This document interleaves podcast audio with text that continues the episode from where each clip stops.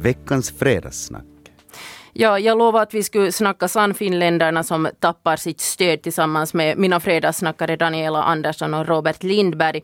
Igår fick vi ju då höra att eh, SDP går kraftigt framåt bland väljare i Finland medan Sannfinländarna förlorar och de förlorar rejält. Eh, fyra procentenheter har det talats om. Vad sägs? Var det väntat? No, jo, inte väl, eller jag menar, är nu någon förvånad? Knappast är någon förvånad. Nej, med den här regeringspolitiken som nu har förts så, så tror jag att det var ganska väntat, som de själv säger också. Mm. Nu spekuleras det ju i om, om det var flyktingström eller, eller om det var spar planerade sparåtgärder som då gav upphov till det här. Va, vad tror ni?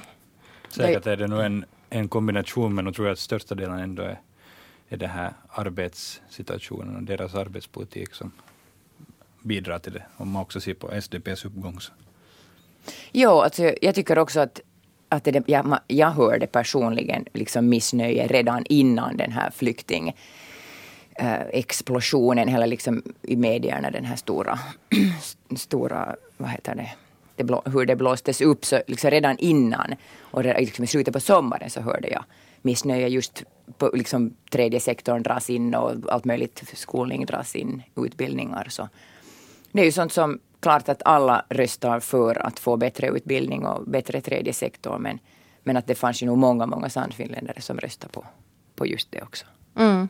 Eller liksom så här, den vanliga arbetarens viktiga saker för den vanliga finländska arbetaren. Eh, vad betyder det här nu? Nu finns det vissa sannfinländare som, som vill att de ska träda ur regeringen. Tror ni att de kommer att hålla sig kvar eller vad, vad har det för konsekvenser? Jag tror nog att de kommer att hållas kvar. Ledningen kommer nog att hålla fast med klorna så länge det går. Men det här, klart att de måste ju vara lite, de är ju medvetna om det här problemet och att någonting måste ju medföra till deras regeringspolitik nu. Vem mm. vet vad det är. Mm. Timo Soini är nog så glad att han kom med i regeringen nu så han kommer nog inte att släppa taget. Jag menar nöjdare än min har man inte sett. Att, han, jag, jag, tror, jag har nog så svårt att tro att han skulle självmant gå ut. Även om, om, om de förlorar en massa väljare på det här sättet? Nej, jag vet inte. Jag tror att han sen är så styvnackad och säger att han ändå har gjort rätt. Så som vissa, han kan inte sen erkänna väl att, att han har att det inte gick som de lovade. Det som vi måste komma ihåg är att det är opinionsmätningar och, och det här. Han litar väl på att före nästa val så har det här, det de gör nu har gett en sån effekt att folk kommer att förstå att det här var bra gjort. Och han litar väl på det då och då skulle det kanske vara dumt av dem att gå ut nu ur regeringen. Mm, väldigt självklara, äh, självsäkra kommentarer har man ju åtminstone hört av Soini. Han står för sin sak även om det kanske inte riktigt har gått som de tänkt sig. Nej, det är klart att som alla politiker nu tänker han ju lite längre än så. Att, att knappast hoppar de nu första taget ur. Och jag menar det är sant som Robert säger. Men, men att uh, nu, nu, nu, kommer det ju säkert att bli större protester än, än, än nu, liksom ännu mera. Mm. Det återstår att se. Vi går över till ett helt annat samtalsämne. Vi fick höra här i veckan att, att den festnyländska avvänjningsenheten, alltså det som vi kallar så här i folkmun för Kattkon, för missbrukare läggs ner 2016, alltså i nästa år eller sen nästa år 2017. Det här är ju då ett led i det här att, att man satsar mycket på öppenvård. Det, det, är det som är trendordet just nu. Tror ni att öppenvård funkar på missbrukare? Ja, alltså om det funkar så, så är det ju bra om de satsar på det, men det, det känns alltid som när det kommer någon, någon eh, tjänsteman som man antar att har som främsta intresse att spara pengar, att det, jag blir alltid lite så här för, bekymrad att, att det är det nog faktiskt pengarna som går i första hand eller det här missbrukarens väl och det här. Mm. För, ja, att det, ju... för det är ju liksom klart att de sparar pengar på öppenvård också. De behöver ju mm. inte lika mycket människor på, på jobb, det har de ju mm. sagt åtminstone. Men det, det, undrar jag också, alltså är det så att, att det inte behövs lika många människor? Jag tycker det låter på något sätt avigt det där. Att måste inte under människorna finnas där som stöd i alla fall?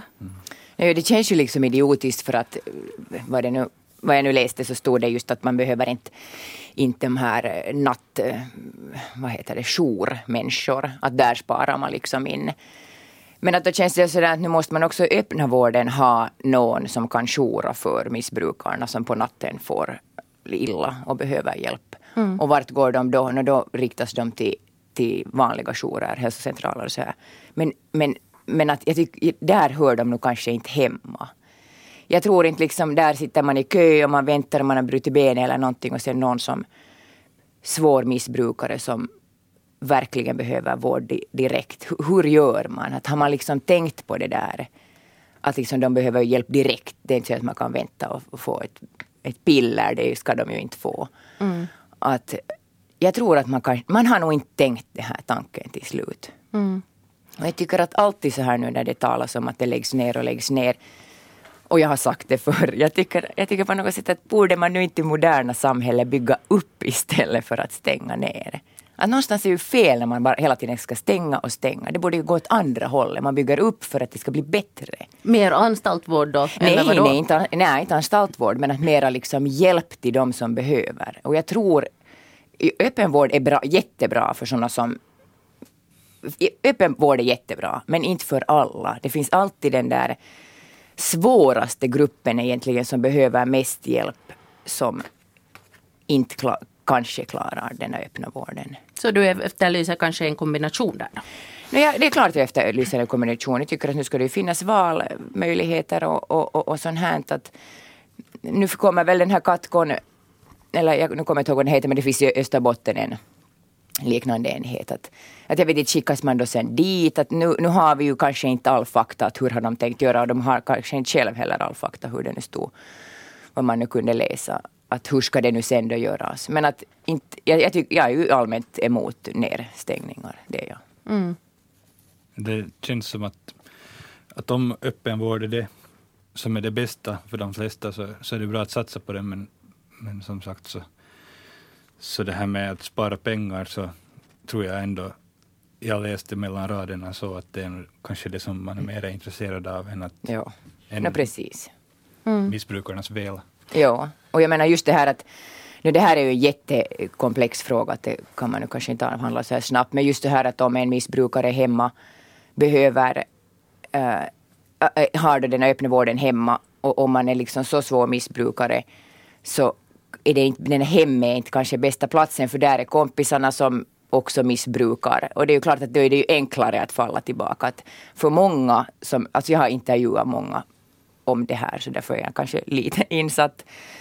Så vad jag nu har hört och vad jag har talat, talat och gjort intervjuer så, så då är det för många väldigt bra att komma helt bort. Och, och inte liksom med det där hemmet och med de där kompisarna och med folk som också missbrukar omkring en alkohol eller knark eller vad det nu sen är. Så då är det så bra att komma liksom helt bort. Mm. Att då kan man inte påverka så ingen ringer och säger att kom nu på en sup eller kom nu på det ena och kom på det andra. Men finns inte risken där då att man kommer bort och så kommer man tillbaka och så faller man in i det där igen för att kompisarna är ju där oberoende. Nu, det, är klart, ja, det här kan jag ju inte svara på så allmänt men att det är klart att risken är det men att åtminstone så har man Många historier säger att man har lite hunnit fundera mera om man är två veckor bort och sen kan man få ännu liksom mera rehabilitering efteråt. Att man liksom helt enkelt man hinner på något sätt kvickna till. Det här mm. Men i alla fall så mycket att man kanske tänker steget att sen då falla tillbaka är, är liksom längre mm. än om man hela tiden är där och har det utanför dörren. Mm. Vi har pratat med en hangevårdare och hon, hon tror att eh, det faktiskt kommer att synas, särskilt i Hangö, där kanske problemen är större än i andra västnyländska kommuner. Att det syns på, i gatubilden så småningom, alltså inte direkt men att så småningom. Varför, varför tror ni att de här problemen är så stora för det första i Hangö? Det vågar jag inte uttala mig Nej, nu sägs ju att, att, att hamn, i alla hamnstäder så finns det mera äh, knark att det kommer in och det är mycket enklare, det kommer sjövägen. Alltså det är så enkelt att det, det kommer... Min man är sjöman och han säger så här, så jag måste väl tro på honom. Då är Eller det så. Han, han har jo- jobbat på sjön. Så, så att, eh, Veckans fredagssnack. Vi har en historiker här i, i Fredagssnack idag.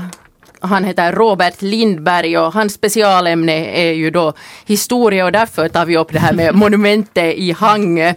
Eh, Det handlar ju då om det här, de, de här lejonen som, som finns ändan på Boulevarden i Hangö. Har ni, känner ni till, har ni känt till tidigare vad det handlar om, vad, vad det är för monument? Alltså, monumentet har man ju stött på men, men, men det här inte har jag direkt känt till hur, hela historien och hur många gånger den här tagits ner och lagts upp tillbaka. Mm. Det var ju då, det restes 1921 och då till minne av tyska soldater som hade varit med i inbördeskriget och hjälpt vita sidan. Då. Uh, nu diskuteras det om det ska göras om så att det ska se ut så som det gjorde 1921. Eh, en grej är att, att eh, det har tagits bort, med tiden har det tagits bort en sån här eh, tysk soldat som var där som en relief. Vad tycker ni sådär i stort? Ska man ha sådana här monument påminnas om inbördeskriget så här? jag tycker att det är bra med monument nu. Vad- Det är klart det är bra med monument. Varför, varför är det bra med monument? Nu får du utveckla här Nej, lite. men nu, nu tycker jag att man lite, okej nu är det ju som så att det där Hangömonumentet så jag tror att de som kommer på Hangöregattan har nog ingen aning om varför det är där, det där monumentet och lejonen men eh, jag tycker att det är bra med monument. Men varför då? Det var just för att man ska påminnas. Om Mm. det inte finns liksom någonting och allt är bara vanligt och, och liksom flyter ihop så inte, inte påminns man ju någonsin om historien eller något sånt här. Det, Mm. det är helt klart att vi, jag menar vi var i Italien förra veckan och där finns ju underbara monument och underbara kyrkor. Jag menar, skulle, om de inte skulle ha funnits, visst skulle det ha varit jättetrist. Så man kan inte radera historien menar du? Att Nej, bara strunta det i hör det? ju till. Mm. Det hör till. Och Robert håller med. Säger Daniela. som historiker absolut. måste du hålla Ja, med. ja, som historiker så ser jag på monument som, en, som, ett, do, som ett dokument över den tid det, dokument, det, det monumentet restes. Och det här 21 så var det ju liksom väldigt så här splittrat i landet och, och det här säkert jättekontroversiellt att lägga upp en sån här. Men det gjordes ju och vita maktsidan var ju den här segrarna och det här.